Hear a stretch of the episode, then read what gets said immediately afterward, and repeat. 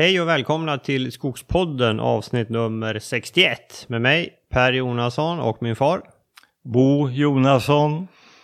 Ja Bosse, då sitter vi återigen i vår studio i ett eh, litet grått eh, Bergslagen och ska spela in en ny podd. Det har varit en, en grå november. Eh, och det är 5-6 plusgrader ute. Och eh, väldigt disigt. Mm. Men eh, senare idag så åker vi till skogen och gör det som måste göras. Ja, vi har ju varit ute här nu. Idag är det torsdag morgon, vi har varit ute tisdag, onsdag och det har ju regnat en hel del och det är ju väldigt blött i skogen nu och, och det är ju kanske bra. Det är kolossalt mycket vatten i skogen. Jag Mm. hoppas det dränker några barkborrar. Ja, och fyller på grundvattnet ordentligt. Ja. Vattenståndet är högt i sjöarna också. Ja. ja, nu hör man ju verkligen bäckarna. När man går i skogen hör man dem ju på långt håll. Eh, Det gör man ju inte annars. Och jag menar när vi gick i somras och, och förra sommaren, då var de då ju nästan torra bäckarna. Ja. Alltså det här är ju skönt att se. Ja, eh, idag ska vi, vi har lite allt möjligt att prata om. Vi har ju ganska mycket aktiviteter på gång i vår skog. vi tänkte egentligen prata lite grann om det och, li, och lite reflektioner kring det. Så det blir ett avsnitt om vinterns eh, skogsarbete kan vi säga. Mycket eh, kul grejer på gång faktiskt. Ja, dels eh, så ökar vi slutavverkningarna ganska kraftigt. Och det beror på att vi vill, vi vill minska förrådet av gammal granskog. Mm. Just det. Vi ska göra det svårare för granbarkborrarna. För det här är påverkat av granbarkborretänkandet. Ja, det är det. Och sen har vi ett, en, en ganska flera rejäla gallringar på gång också. Innan vi går in på det här Bosse, ska vi tacka vår samarbetspartner Föreningen Skogen. Föreningen Skogen är en ideell organisation där både du och jag är med Bosse och eh, föreningen jobbar ju för att eh, stärka skogsskötsel och eh, vara med och driva debatten om, om skogsbruk i Sverige och har ett antal aktiviteter under året där eh, kanske höstexkursionen är ju en stor händelse på hösten. Vi har varit med på, det är tre på raken nu och det här är ju väldigt intressanta exkursioner där man lär sig väldigt mycket. Klart intressant. Eh, I höstas var det ju, var det ju Södra Skogsägarna som var exkursionsvärdar. Ja, och där var det ju, vi har ju pratat om, vi har ju tidigare avsnitt om det, men där var det ju väldigt mycket om eh, granbarkborrebekämpning bland annat som var mycket intressant att se. Södra har ju verkligen kopplat en, en halv Nelson eh, på det här och, och, och satsar stora resurser på eh, att bekämpa granbarkborren fick vi se. Ja, så är det. Så är det. Så tack till föreningen Skogen och gå in på skogen.se för att se om eh, det kan vara för något för er att vara med där också. Ett medlemskap kostar 350 kronor per år.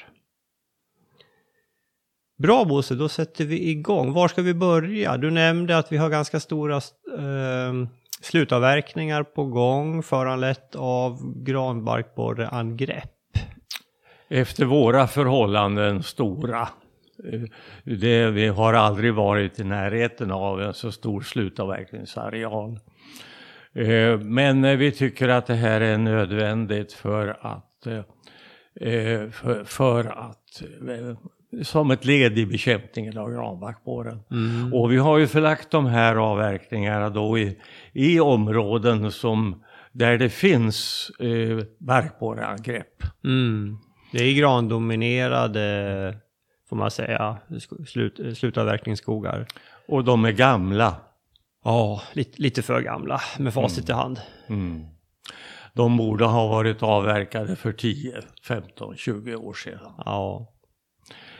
Eh, den allmänna bilden här på Gusselborg av det här med granbarkborrarna det är det att vi har inte någon stor sammanhängande ödeläggelse på något vis.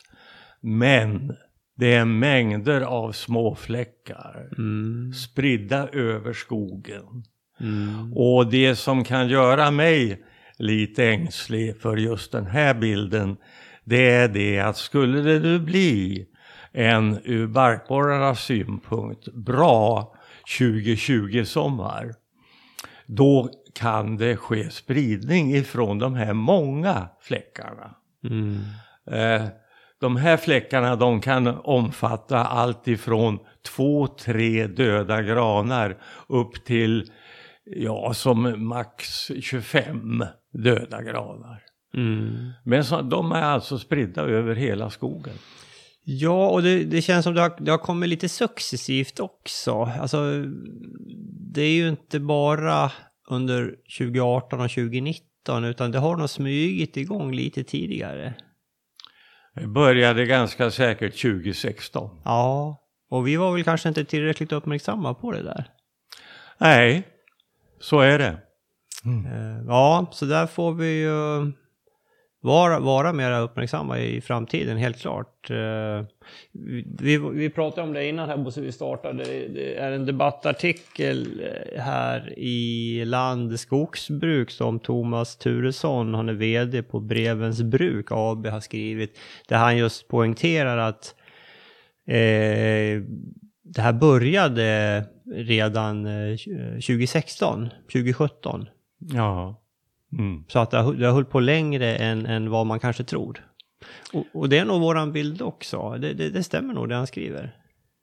Tiden före 2016, det, det var väldigt sällan vi såg några barkborredödade granar i skogen. Mm. Mm.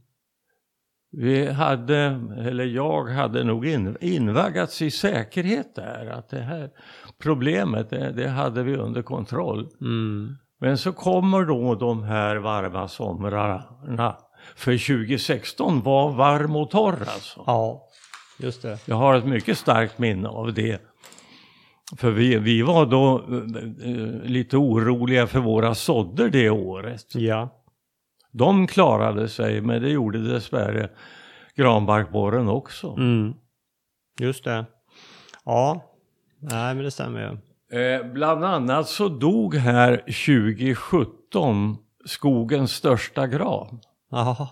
En meter i brösthöjdsdiameter och 33 meter hög. Volym 9,4 kubikmeter. Ja, den är gigantisk. Plötsligt så stod den där död. Ja. Just det. Och det tog två år för granbarkborren att, att, få, att, att döda den. Ja. Nej men ska vi prata lite grann om vad, hur vi tänker då kring granbarkborren? Vad, vad gör vi nu akut och hur planerar vi på lite längre sikt? Vi vill ju inte hamna i det här läget att det sprider sig och vi har ju sett bilder nerifrån centraleuropa där hela landskap har dött. Så det, nu är, det, är ju, det här är ju viktigt att alla skogsägare, att vi hjälps åt och agerar kraftfullt. Vad gör, vad gör vi Bosse? Jag skulle tro att, att under hösten här att har vi lagt ner 20 dagsverken på att gå över våra 350 hektar. Mm. Och, och, och bara inventera. Och inventerat och, och karterat. Mm. Eh, så att eh, vi har nog hittat det som är på gång nu. Mm. Och, och sen har vi ju också då digitaliserat det här. Ja, vi har ju alltså märkt på, vi har sprayat på de uh, granar och de, uh, alltså dels de som är angriperna men även de som ser väldigt svaga som, som står liksom intill. Har vi gått och märkt på med sprayfärg och igår så var jag och uh, min uh, kusin, uh, inköpare Eh, på ett eh, företag här, Billerud Korsnäs. Vi har ju nu alltså gått eh, upp och digitaliserat, ja, gjort traktdirektiv helt enkelt för att vi i vinter ska gå in och skörda de här. Och då passar vi på också och, och märkt på tallar och, och framförallt granar som, som står på lut liksom, längs, längs de här vägarna. Eh, och något enstaka vindfälle här och där så att vi liksom rensar bort så mycket som möjligt. När man ändå har en, en skördare inne i skogen, att man passar på och städar lite grann. Så det gjorde vi igår, gick upp, eh, det är ett antal områden då. Som, eh, så det, det kommer att bli en hel del sånt i vinter. Och det här sker ju, den här avverkningen sker ju då med beståndsgående skördare. Just det. Så den, den är ju väldigt liten och smidig då. Så det, det, det, det, tycker jag är bra och sen har vi som sagt förlagt eh, vinterns slutavverkningar till drabbade områden. Just det. Ett sammanhängande område eh, som slutavverkas nu. Ja, alternativet där det hade ju varit att köra in där också och plocka bort de här som var drabbade. Men eh, i och med att det var gamla granskogar så då passade vi på att ta bort eh, ta, dem helt då. Eh, sen eh, har vi också jobbat med en annan grej. Nämligen att vi går in i eh, 55 till 75-åriga barrblandbestånd och hugger i stort sett bort granen i det och ställer timmerställningar av tall. Den här tanken har funnits tidigare men nu eh, tar vi ett tag för att bringa ner granskogens sårbarhet för barkborrar på det här viset också. Mm. Så igår så hade jag hjälp av Pers äldsta dotter eh, att stämpla eh, ett sånt här bestånd. Mm. Ett 57-årigt bestånd av stamkvistade tallar och, och en viss graninblandning. Där vi i stort sett tar bort granen och ställer en vacker timmerställning av mm. tall. Ja men det blir intressant. Mm. Helt klart. Mm. Mm. Och just det här med att gå in och ta bort granen, det gör vi på ett annat område också eh, i samband med slutavverkningen. Ett litet hörn där, eh, där, där vi låter tallen stå kvar men tar bort all gran. Ja, det blir en timmerställning av tall där mm. också. Mm. Mm. Det här blir lite prov då för att se om, om vi kan, ska fortsätta med det här på andra ställen i skogen också. Ja. Mm. Timmerställningens återkomst i skogsbruket. Ja, just det. Eh, annars Bosse har vi ju nämnt att åtgärd nummer ett för att liksom vara preventiv mot granbarkborrar det är ju kanske att hålla ner eh, omloppstiderna på gran. Ja visst. Vi kommer inte att samla på gamla granskogar. Nej, utan att de, de håller man lite kvar. Tallen kan ju stå kvar väldigt länge men eh, granen bör nog inte bli för gammal för då, då den blir för svag eh, helt enkelt. Kan ju påminna om det alltså att tallen är ju har ju en fenomenal förmåga att hålla uppe tillväxten per hektar på ett bra sätt även i hög ålder. Man har egentligen inte hittat någon ålder där eh, tillväxten går ner. Mm, är det så? Ja, så är det faktiskt. Ja, det vill säga, det har man väl kanske gjort, men, men eh, i, eh, i produktionsundersökningar så hålls det uppe. Ja. Eh, eh, till, till, till hög ålder alltså. Ja. Mm. Och även, eh, det behövs inte jättemånga per hektar heller brukar du säga. Nej, eh, men just på den punkten så, så vill jag inte prata om några antal egentligen. Det, kän, det känns lite, lite vågat att göra ja. det. Mm. Ja, nej men eh, hålla efter eh, granens ålder. Och jag menar, där har vi redan pratat om vad blir nästa slutavverkningar? Att där vi har lite äldre granskog och där granskogen är försvagad av någon anledning. Kanske har stått extra torrt, ja då får man försöka ha mm hålla nere omloppstiden där då. Så det är ju också en, en åtgärd då att vi redan kanske i år då förbereder det och underröjer de bestånden. Vi kan ju säga också att under 2020 så kommer vi att ha barkborrefällor i skogen. Mm, det blir intressant. Och det är ju ett sätt att följa svärmningen också. Och vi kommer absolut att följa, följa det här med svärmningar. Eh, Skogsstyrelsen har ju, eh, kommer ju att publicera det här. Ja, jag tänkte om man har egna fällor. Då ser Ja, man ju det. ja, när oh ja. är det mycket och då ser man ju svärmningen. Jag tror redan idag Skogsstyrelsen har den informationen. Ja, ja. Jag tror Södra har också någonting. Ja, så det finns ju information. Så fällor och vi kommer också att lägga fångstvirke Just det. där vi tror på den metoden. Ja. Efter vägarna. Mm. Och även eh, pr- pratade med Jonas om det igår. I, i, i vår, eh, när, när man börjar närma sig första svärmningen, då är det ju viktigt att vara ute och se. Hittar man då några skadade träd, när man kan se det här mjölet, då, då har man ju, då ska man ju snabbt ut med dem. Så att liksom, då, för då får man ju med sig borrarna ur skogen. Jag tror man, jag tror Jonas pratade om att man har ungefär en månad på sig då om eh, från eh, när den första stora svärmningen är. Att man är snabbt ute, och kanske fäller dem manuellt och så kan man eh, om man får, får eh, ta en skotare då och köra ut det där illa kvickt. Ja, då kan man ju få med föräldragenerationen och deras avkomma. Ja, men precis. Mm. Och då, det, det kan ju hindra ett, ett större utbrott. Så där, där får vi vara på tårna i maj där. Ja, det känns väldigt nödvändigt. Mm. Att vi, vi får vika maj månad till det där. Jaha. Ja, får göra. Mm. Ja, okej, så där, där har vi det är granbarkborrefronten då. Och eh, ska vi nämna någonting om de gallringar vi håller på med också? Du, du nämnde ju lite grann det. Vi har ju ett par gallringar till faktiskt. Ja, eh, visst. Eh, men vi kan väl börja med röjningen. Det kan vi göra. Vi tar det i eh, storleksordning. Eh, det var ju, jag och Matilda har ju gått och röjt här ett eh, lite rolig tallsådd som är på 0,7 hektar lite drygt. Och den står ju intill gammelskog.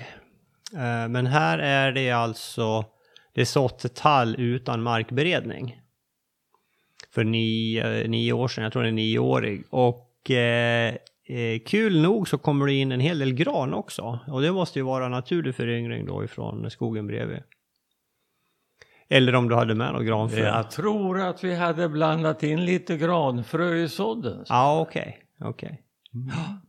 Ja. Eh, Den här sådden gick ju till så att vi gick alltså kompasskurs. Eh, Ett antal parallella stråk Mm. över den här fuktiga marken. Och eh, sådde alltså som ren ytsådd, la ut det här på ytan med hjälp av ett såddrör. Mm. Just det. Och för att eh, veta var vi hade varit och, och inte hade varit så drog vi ut en bomullstråd bakom oss med den så kallade walk-tax. Mm. Eh, det eh, var i det här fallet ett bra, bra användning av det instrumentet. Mm. Ja, men det är ju bra, bra fart på skogen där. Det är lite, lite betat, inte så farligt, men, men en del är det. Men, men eh, ja, kommer mycket plant. En del sidoskott var ju betade men jag såg, jag såg faktiskt inget betat toppskott. Nej, jag, jag såg faktiskt några sen, Ja, ja. men, Ja, ja. eh, inte så farligt. Mm. Ja. Eh, nej, men det är ju... Det, vi, vi gjorde ju i somras eh, spelade vi in en liten film som finns på Youtube om just det här beståndet i och med att eh, ja, det, vi pratade då om det här med sådd utan markberedning. Så det finns en film på Youtube, om du söker på Skogspodden så har vi en kanal där och jag tror att det är den senaste filmen. Eh, den är 6-7 minuter. Och där ser man också hur mycket björk det är då. Och eh, så det ser inte ut så nu, utan nu har vi ju röjt där. Och som alltid försöker vi ju spara mycket löv till älgen förstås. Så vi försöker Hur, hur hög var lövslyt, björkslyt? Alltså de högsta, de högsta de var nog en, två och en halv meter. Men det, det mesta var ju ja, manshögt. 1,70, 1,80 någonstans. Mm. Mm. Och tallplantorna 1,50 kanske, något sådär. Ja, och granen också. Mm. Och det är ju alltså rikligt med tall och hyggligt med gran. Ja, får man säga. Mm. Har du röjt där innan? Nej, det är inte Nej, röjt. Nej, det är första gången. Nej. Ja. Ja, nej men eh, vi röjer ju relativt försiktigt så man, man, vi får ju gå dit och röja igen naturligtvis. Men eh, ja, det, det går rätt snabbt. Ja, okej, okay, det var det. Sen hade vi ju ett gäng gallringar till. Eh, och där, vi kommer att göra lite annorlunda på de olika typerna av gallring. Vi kommer inte dra några stickvägar själva i varje fall. Men däremot har, stämplar vi de bestånd där vi har stamkvistad tall. Ja, det, det känns befogat. Uh, uh, uh, i, igår så, så förberedde vi alltså en timmerställning. Eh, och, och då stämplade vi det. Och sen kommer vi alltså att gå in i ungefär 30-åriga 30-årig skog, eh, delvis talldominerad, delvis grandominerad. Och eh, granskogen, den, den tänker vi faktiskt inte stämpla. Men däremot den stamkvistade tallskogen, den stämplar vi. Mm. vi. Vi gör det tills vidare. Eh, för delvis med erfarenheter från igår då jag tyckte vi hann så förvånansvärt mycket. Mm. Stamvalet är i de här skogarna delvis ganska, ganska lätta. Man har ju gjort stamvalet egentligen när man stamkvistade. Ja. Mm. Ja, eh, när det gäller eh, de här gran, grandominerade skogarna så eh, kommer det att, att bli så att en del bitar av det här de har kommit så långt i sin utveckling så att vi kommer inte att, att gallra dem. Eh, vi har i alla fall ett par sådana exempel där de här eh, granskogarna får fortsätta att växa ogallrade. Mm. Eh, det är eh, beståndsdelar som då har passerat 20 meter i höjd. Ja, just det. Mm. Nej, över det gallrar vi inte. Nej. Nej. Nej. Då får de klara sig själva. Mm. Och det gör de. Det mm. kommer att bli en del självgallring. Men det är en, faktiskt ingen viktig del av ekonomin. Det, det, det är träd som ändå har ett begränsat värde. Mm. Mm. Ja, just det. Eh, på ett ställe så tror jag att eh, jag senare idag kommer att göra en stämpling på en väldigt begränsad yta. Bara för att visa hur visa skördarförarna hur jag vill att det ska se ut efter gallringen. Mm. Just det. Det var, det var ett parti där vi har, det är gammal åkermark va, som är planterad med gran ja. Mm. Ja. Mm. Och det är väldigt tätt. Mm. Just det. Mm.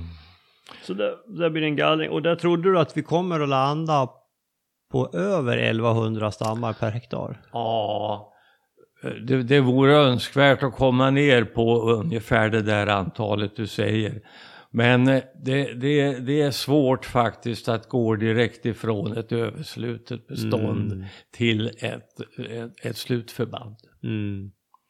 Utan det här får bli eh, ja, en liten, liten hjälp på vägen för det här beståndet. Ja, det, ja precis. Det är ett av de få rena granbestånd vi har. Ja, det är nog det senast anlagda och, och det här är ju storleks... Det, det kanske inte är uppe riktigt i 40-årsåldern men 37-38 år Mm. är det nog. Det. På förhållandevis bördig mark alltså. Ja. Vad är det för index där tror du? Ja, det, G30? ja, det skulle jag ju tro att Ja. det är. någonting. Just det. Mm. Mm. Vi har ju en liten eh, åkerplantering som vi slutavverkar i vinter. Ja, Och där, men där kommer vi anlägga blandskog eh, nästa, Ja. nästa gång. ja. Ja, och det är väldigt bördig mark. Det, det ska bli intressant det där. Nej, men det, man får väl vara, man kanske får satsa på kanske lite lärk där. Ja, varför inte? Jag läste faktiskt här eh, i Thomas Turessons debattartikel att han hade, han såg här att det var det här med gremmeniella verkade öka på tall på riktigt bördig mark. Jaha. Så det, det kan ju vara någonting att tänka på. Mm. Mm. Har du, är det någonting som du har reagerat på? Nej, men jag har nog hört det förut. När du säger det nu så, Mm. så tror jag mig jag har hört det där förut. Mm. Nu var det ganska länge sedan vi hade några gremeniella angrepp av betydelse. Eh, det gäller både Gusselborg och Vassemåla faktiskt. Mm. Ja, fan det finns mycket som kan drabba en i skogen. Ja, Det är lustigt de här eh, prisstegringarna på skogsmark som, som har skett. Och, och man talar om den låga räntan och att skogen är en, en, en säker investering just för att ja, den står där och växer. Men vi ser ju det att det, det finns stora risker i det här också. Ja visst, visst. Bara nämna namnen Per och Gudrun. Ja, ja absolut. Ja, Ja, alltså, tänker- jag tänker med alla, med alla svampar och, och granbarkborrar och ja, Ja. Och, och skogsbränder. ja. Ja, fan. Ja, Nej, vi pratar om något roligare. ja, alltså skogsägande kräver en insats. Mm, ja, Skogen klarar sig inte helt utan vår hjälp. Nej. Ja, eh, vad var det mer vi skulle nämna, Bosse? Eh, jag säger gärna något ord om det här med vår skörd av rönn och oxelfrö Ja, nu men- under hösten här. Eh, de här fröerna som vi har preparerat fram ur bären, rönnbär och oxelbär, de ligger nu i rummet bredvid där vi sitter i kylskåp. Ah, eh, vi har eh, lagrar de här i petflaskor, 33 centiliters petflaskor. Ah, där är det alltså sand och vatten, lite vatten, alltså fukt bara, fukt, fuktad sand. Plus de här fröna. Och där ska de ligga nu för att vi ska bryta den här frövilan som eh, finns hos många eh, nordliga växter. De vill ha en, en vinter mellan det att de mognar på hösten och sås ut. Eh, eller rättare sagt, de, de vill ha en vinter mellan det att de skördas och eh, börjar gro. Mm. Eh, och den här, det här kan ju ske antingen, den här frövilan kan ju antingen ske när de ligger sådda ut i naturen eller som i det här fallet då i kylskåpet i petflaskor i fuktad sand. Ja. Och en viss lufttillförsel. Mm. Eh, eh, det här med kylskåpet kan vara bra därför att då har man bättre kontroll på dem. Mm. För det här kommer ju att sås ut i vår då. Mm. Du, du såg dem som, som vanliga frön i vår. Mm. Mm, just det. Jag har fått ganska mycket frågor på eh, det här med att ta fram rönn och oxelfrön via mail och sådär. Ja. Ja, Vad tror vi? pratar ju ganska mycket om det i avsnitt 10 och 11 tror jag det är. ja, Har ju nämnt det senare också. ja. Ja, Jag är ju av den bestämda uppfattningen att vi kommer inte till rätta med det här med eh, älg, älgbetesskador på, på tall med mindre än att vi först etablerar alternativ föda åt dem. Mm. Ja, absolut. Och det, det kommer ju oss eh, osökt in på näst, en, en annan sak vi tänkte nämna här. Och det är att Skogsstyrelsen kom ju i veckan var det faktiskt med ett pressmeddelande. För man är klar med årets Äbin. Eh, 13 november. Och där skriver man ju att eh, det här ser ju inte så bra ut. Och eh, det är alltså värst i Götaland. Eh, och där ligger man alltså på 60% av ungtallarna har skador. I Norrland och Svealand ligger man på 40 eh, Och målet är att man ska, eh, det nationella målet ska, att man ligger högst på 15 Och eh, det här kan vara lite förvirrande för ibland pratar man färska betesskador men det här är alltså, nu pratar vi betesskador på ungtallar och vi tror ju att det är upp till fyra meter. Så man, det här får man ju se som hela ungtallens livslängd så länge den är i den, i den betes, betesområdet. När du pratar färska betesskador brukar man ju prata om, om 4-5 procent. Men vi ligger alltså på eh, 60 procent i Götaland på ungtallarna. Och det här är ju på tok för mycket då. Eh, man har ju uppskattat att det här medför kostnader för skogsbruket på sju, drygt 7 miljarder kronor varje år. Vilket är eh, ju enorma summor. Det ska jämföras med årets kostnader för granbarkborrar som beräknas landa på drygt 3 miljarder. Så vi har ju liksom dubbla kostnaden varje år eh, jämfört med, med kostnaden för granbarkborrar i år. Så det här är ju ingen, det är ingen rolig utveckling. Vi har ju pratat om det här ganska många gånger Bosse och ett tag så var vi lite mera positiva. Att vi tyckte det gick åt rätt håll, vi tyckte Skogsstyrelsen höjde rösten lite grann, Södra var väldigt aktiva och sådär och jag vet inte riktigt om jag känner mig lika positiv längre. Nej, och det tråkiga är ju det att, att i siffrorna så kan vi ju inte se någon förbättring sedan den här nya älgförvaltningen infördes. Nej, det gör ju inte det. Och eh, ja, Skogsstyrelsen varje gång det kommer Abin så säger de det här är oacceptabelt, vi kan inte fortsätta så här. De börjar låta som Stefan Löfven helt enkelt. Ja. Och, men det händer ingenting. ja, det här är inte okej. Ja, vi kan, det kan vi också säga. Ja. Ja. Nej, det, vi, vi jobbar ju ständigt med, och det är ju liksom en röd tråd i vårt skogsbruk tycker jag, att vi, vi försöker se till att det finns så mycket mat som möjligt för älgen i kombination med att vi vill ha upp 10 000 tallar per hektar. Det är ju vårt sätt att hantera det här. Det är en jobbig metod, Ja, men det är i alla fall en framkomlig väg. Ja, det är, det är något aktivt vi gör. Att gå in och börja plantera 2500 tallar per hektar, ja det är ju en stor risk. Som vi, vi vill inte ta den. Nej, nej. Nej, sådden är ju vägen framåt för oss. Ja.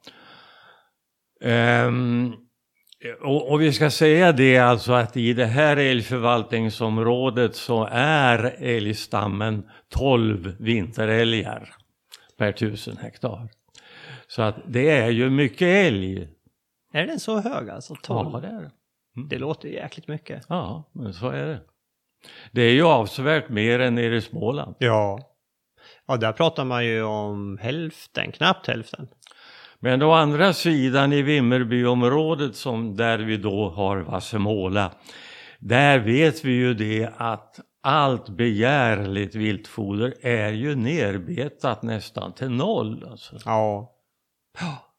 Så där har, precis, och det är ju som du säger, för att, för att komma i balans, så det måste ju få återhämta sig, rönnen och eken och aspen och säljen. Ja. Mm. Mm. Mm. Men, och, och det ser ju bättre ut. Men 12 stycken säger du, är det...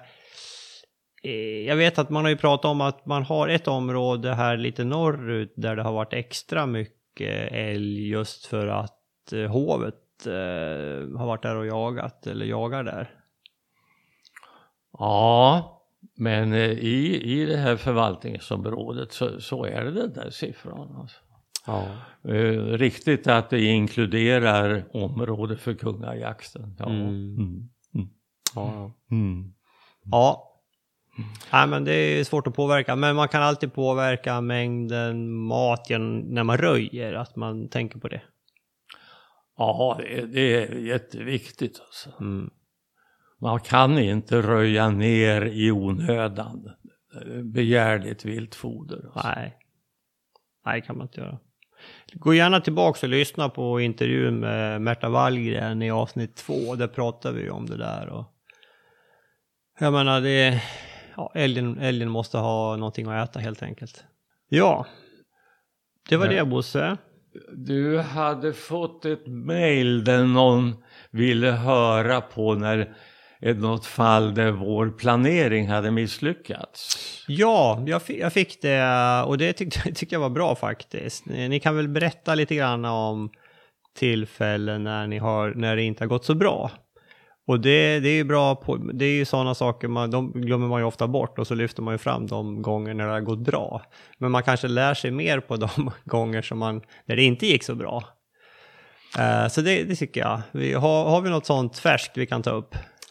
Det är mycket vatten i skogsmarken nu och det här är väldigt märkbart på ett hygge som vi ska beskoga i vår. Vi ska beskoga det med i huvudsak med sådd.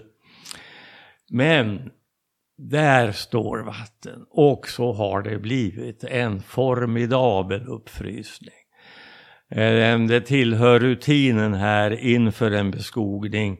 Det är att vi går ut på barfrost och tittar på i vilken utsträckning som det blir, som det blir uppfrysning. Och i just det här eh, aktuella hygget så var det eh, några frostnätter i början på månaden här. Där det blev en, ja, en, en uppfrysning som jag sällan har sett. Mm. Ehm, det var pipkrakebildning alltså. Isnålar som lyfter upp det övre jordlagret. Hade det funnits plantor där så hade de obönhörligen lyfts upp Mm. så att rötterna hade legat uppe på ytan. Eh, och så att eh, här var, det här var en miss. Eh, vi borde ha eh, förutsett den här uppfrysningen. Vi skulle ha markberett helt enkelt på ett annat sätt. Mm. Eller inte markberett alls. Mm. Och just för att marken är så pass fuktig. Den är fuktig och finkornig. Mm. Det här är, ja, det, det, det, kanske, det kanske rent av mjäla i det här. Alltså det här, ja, alltså en, en finkornighet inte så långt ifrån leran. Mm. Men ändå ligger det alltså under högsta marina gränsen. Ja, men det har ju sedimenterat där. Mm. Mm. Mm. Ja. Mm. Ja. Mm. Nej men det var väl en eh, lärdom vi tar med oss. Ja. Annars, jag, jag tycker ju att det här med markberedning, den är så viktig så att vi har ju under, under lång tid gått med markberedaren, gått bakom markberedaren eh, hela dagar för att se att vi verkligen får markberett på rätt sätt. Men den här gången så funkar det inte riktigt. Mm. Vi hade en annan viktig sak som uppehöll oss så att vi, vi var helt kort när det här markbereddes i skogen Mm. och trodde att vi hade det här under kontroll. Mm. Men, men det var en felbedömning. Vi markberedde ju inte riktigt allt utan det, det, de blöta områdena undvek, undvek vi. Men det är dock ett, ett par hektar här som Mm. felaktigt, vi Mm. markbereder på felaktigt sätt. Ja. Hur, hur löser vi det här i vår då, tror du? Ja, nu kommer det en, en grävare dit och ska göra en, eh, eh, en dikning. Uh, eh, Ja, dikesrensning. en dikesrensning, riktigt. Så, så jag hoppas att det här ska delvis kunna avhjälpa det här. Mm. Vi ska också prova att göra en komplettering av markberedningen Mm. med grävaren när den ändå är där. Men eh, jag hoppas inte särskilt mycket på, på, på den metoden egentligen. Nej. Nej, men nu, nu är det ju det är extremt blött och det där diket är ju, det är ju igensatt. Så jag menar förhoppningsvis kommer det här att ge en, en del effekt. Ja, vi hoppas på det. Ehm, sen har vi ju också fröträd där. Och har vi bara lite tålamod så kommer det här att föryngra sig naturligt med hjälp av de här fröträden. Ja. Nej, men vi kommer ju att plantera en del gran också. Det kommer vi att göra. Ja. Mm. Ja, nej, men det är väl det. Ja, absolut. Men det blev lite jobbigare än vi hade tänkt oss. Ja, ibland blir det det. Mm. Har vi något mer sånt fall när vi ändå eh, pratar om våra tillkortakommanden? Eh, Jag tycker annars att, att eh, våra, våra föryngringar, vårt föryngringsarbete har varit väldigt framgångsrikt. Att vi har väldigt fina plantskogar Mm. Och mycket plantor. Mm. Jag tänker generellt i vårt skogsbruk. Vi nämnde ju förut att vi har, vi har varit för långsamma att avveckla våra granskogar. Det är, det är väl också ett misstag kan vi ju säga. Ja, det, det, usch ja. Visst, oh ja. Det, det är ju på, på ett mycket större misstag än det här med markberedningen det här Mm. året. Mm. Hade vi något mer på din lista Bosse? Vi har pratat om slutavverkningarna, vi har pratat om gallringar och granbarkborrar. Vi, eh, vi kan ju säga det att de här nu för våra förhållanden ganska stora slutavverkningar som vi nu gör den här vintern. På alltihopa det här så ställer vi ju fröträd. Mm, just det. Överhuvudtaget så lägger vi ner ganska mycket arbete på förberedelser Mm. inför slutavverkningar. Det är inte bara fröträd utan vi, vi märker ju på naturvärdesträd, yttergränser självklart och eh, annat, ja kulturmiljöer naturligtvis. Mm, Så att vi gör en förhållandevis eh, noggrann mm. upp, eh, planering av det här. Ja, men det gör vi ju. Och det är ju några kärr där som, som vi sparar naturligtvis och lite kantzoner och sådär. Och... Nej, men det är ett bra sätt att vara med och få det som man vill och sådär. Ja, det, det, det känns bra. Ja. Nej men och sen eh, frötallarna, vi siktar ju på kanske drygt 40 per hektar. Vi går runt och så sprayar vi på en blå rand på de här då. Och, och, eh, och det vi tittar på där är framförallt att den har en stor krona då som kan ge mycket eh, kott och frön eh, kommande fem, sju åren. Och vissa, på vissa ställen har vi ju såna här riktigt grova gamla tallar och de sätter vi ju naturvärdes, naturvärdesband på så de, de får ju stå kvar. De är ganska mäktiga. Vi har ju en del sådana riktigt grova eh, på några ställen i skogen. Är vackra. Ja, jag tror vi kommer att ha en del pärlor som vi lämnar efter oss. Ja, definitivt. Och sen är det ju också om vi i de fall där, vi, där det finns gran under växt så, så, så bandar vi av det och eh, så får det stå kvar och vara eh, en start på den nya skogen också. Eh, Det är ganska länge sedan vi la ner något arbete av betydelse på stamkvistning. Ja, förutom eh, i höstas. Ehm, eh, Men för Men det min ju- del så eh, den här förberedelserna på när, vi, när det gäller att eh, eh, ställa timmerställningar.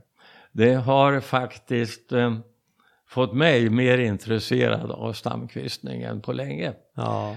Därför att jag tror att de här timmerställningarna som vi nu ställer, de kommer att bestå till 90 procent av tall. Mm. Och eh, jag tror att av de tallarna så är en mycket stor andel är stamkvistade i ganska unga år. Mm. Så här kommer alltså att bli eh, helt kvistrena rotstockar på, Mm. på de här. Redan ifrån, ja, kanske i genomsnitt eh, 60-65 år. Mm. Ja. Det kommer att bli väldigt värdefulla bestånd och väldigt vackra bestånd. Ja. Just det. Men alltså vi har väl stamkvistar ganska mycket tycker jag senaste året. Ändå inte så mycket som när det pågick för fullt. Ja, jag tänker vi har ju haft eh, Klas till hjälp och det är ett par rejäla bestånd vi har. Stam och du och jag har gått på eh, ett par ställen. Och, Oh, ja. men, men visst, allt är ju relativt. Ja, alright. Eh, jag kan ju nämna en kul grej som jag gjorde förra helgen. I lördags för en knapp vecka sedan så var jag inbjuden till eh, Linnéuniversitetet. De hade en skogsdag där som de har eh, varje höst tror jag. Där de bjuder in studenter och även eh, andra intresserade. De har någon form av öppet hus. Plus att de, de har aktiviteter för studenterna också, tentor och exkursioner och dylikt på eftermiddagen. För det här är på förmiddagen. Och de hade, temat var hållbarhet. Eh, så jag var där och pratade lite grann om vad är hållbarhet i skogen för oss. Det var jäkligt kul tycker jag. Alltid kul och jag har ju gått flera kurser där som jag tyckte varit väldigt bra. Det är ju extra kul att få, få komma dit och prata lite om skogsbruk och eh, Ja, det var mycket folk och det var eh, bra stämning och många in, intressanta eh, frågor och kul att träffa så många engagerade eh, skogsbrukare på en och samma gång och många som kom fram och pratade efteråt också. Så det var ju klart skojigt och håller ni på med skogsbruk vid sidan av så kan jag rekommendera kurserna på Linnéuniversitetet. De kan man läsa på distans, både på kvarts och halvfart. Och så det kan man göra parallellt med att man har ett, ett vanligt jobb då. De har ju de här uh, hållbart familjeskogsbruk 1 och 2 och sen ett, ett antal andra kurser också. Så uh, det här är ju Växjö då. Kika upp, uh, kika på det här om det kan vara något för er tycker jag. Fick du intressanta frågor? Ja, tycker jag. Absolut. Jo, men eh, det här med eh, tallsådden eh, är ju många intresserade av. Alltså kombinationen tallsådd, granplantering och lite grann hur vi jobbar med röjning. Och, och många undrar just det här också, är det liksom när man eh, när man sår så här mycket tall, blir inte röjningen väldigt jobbig och hur hanterar vi den då? Jag brukar säga det, ja men vi röjer ju, vargar röjer vi ju bort ifrån de här äh, täta tallungskogarna, men annars gör vi ju inte, vi enkelställer ju inte tallen förrän den är fem meter. Och det, jag menar, det funkar ju. Visst, det blir en hel del röjning, men då, då finns det bra stammar att välja på. De står ju tätt. Och det gynnar ju kvaliteten. De växer lite långsammare och, men de blir ju liksom mindre kvistiga och du får ju mindre juvenilved. Så jag menar kvaliteten du blir ju jäkligt bra från början. Eh, Beträffande det här med eh, tallsådd och granplantering så stod det ju en liten enspaltare i, förening, i tidningen Skogen, eh, nummer 10 i år, eh, om Metsägrop i Finland Mhm. Som hade eh, börjat kombinera det här med granplantering med tallsådd precis enligt vårat recept. Mm. Ehm, det här, eh, ja, det här är ju roligt att konstatera att, att eh, det har slagit rot i, i Finland också. Ja. Ja, det är ju jättekul. Det där är ju en, en, en, en stor, ett stort företag, en stor grupp. Ja. Mm. Mm. Ja, vi, vi väntar bara på att eh, Skogsstyrelsen går ut och, och tipsar om den här metoden som, eh, som ett alternativ om man ska klara av betningen och vill satsa på hög kvalitet. Ja, vi kan, vi kan försäkra att det här är för våran del en väldigt framgångsrik historia. Alltså. Ja, ja. Vad, vad skriver Mets? Eh, De, det var, de hade något pressmeddelande om det där va? Ehm, hur det, vad det här kommer ifrån, det står väl inte. Men uppenbart är att de har gått ut alltså och erbjuder den här tjänsten eh, hos sina privata leverantörer. Mhm. Eh, man pratar om att det är risk för att granen stampar i början. Eh, men att det gällde på den tiden när man hade barrotsplantor. Det vill säga före 1980. Mm. Eh, så att eh, eh, numera var det inget större problem utan här är det tydligt att tallen och granen de har ungefär en likvärdig höjdtillväxt. Mm. Det är ju en fråga man får ibland också, att om inte granen drar iväg då i och med att den har ett sånt försprång. Men vi har ju sett att den kanske leder i början men sen så saktar den av efter ett tag. Och då kommer tallen ikapp. Precis så är det ju. Mm. Mm. Mm. Kul. Mm. Och för de som är intresserade, ni är alltid välkomna att kontakta oss så visar vi det här. Mm. För vi gör ju det här också på bördiga marker. Jo. Vi, vi eh, får se, vi får väl kanske planera någon ny exkursion till våren. Ja. Mm.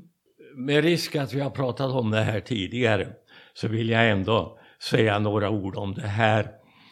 Ah, eh, en dag här under hösten så skördades rönnbär och oxelbär. Eh, faktiskt också, också lite, lite ehm, mm, eh, um, skogsolvon. Och så tog vi det här till skogen och satte upp det på högstubbar på hygget. Ja. Eh, vi vill framförallt sprida eh, eh, oxel i, på Gusselborg och nära Gusselborgs gränser. Så att jag pratar med grannar och eh, erbjuder frö till de som vill ha det. För att vi har exempel på det här att oxel har spridit sig på hyggen på ett bra sätt på Gusselborg. Mm. Med hjälp av trastar. Ja. Mm. Mm. ja, men det är ju våra medarbetare. Ja, absolut. Vi kanske ska nöja oss med det. Ja, Om du har något mer. nej, det, det, det har jag faktiskt inte. Vi har pratat om eh, mycket nu mellan himmel och jord. Mm. Och eh, nej, men jag tycker vi sätter punkt där och eh, ser fram emot nästa avsnitt helt enkelt. Och innan vi eh, stänger helt så ska vi tacka vår samarbetspartner eh, Föreningen Skogen. Föreningen Skogen ger ju också ut tidningen som eh, fantasifullt nog heter just Tidningen Skogen. Den har man rabatt på om man är eh, medlem i föreningen. Den här eh, tidningen läser ju både du och jag Bosse och eh, där står eh, mycket bra saker. Det är ett sätt att hålla sig ajour med vad som händer och eh, följa skogsdebatten i Sverige också. Så gå in på skogen.se och se om det här är något för er att eh, ta del av. Med de slutorden Bosse så nu ser vi ut, är det fortfarande lite disigt men det är lite ljusare. Det är inget regn idag va? Jag tror det är uppehåll. Mm. Typisk röjningsdag tror jag. Ja, Vi, det blir några timmar till det. Ja, det får det bli. Mm. Vad bra, då eh, säger vi tack så mycket och på återhörande. Tack för idag.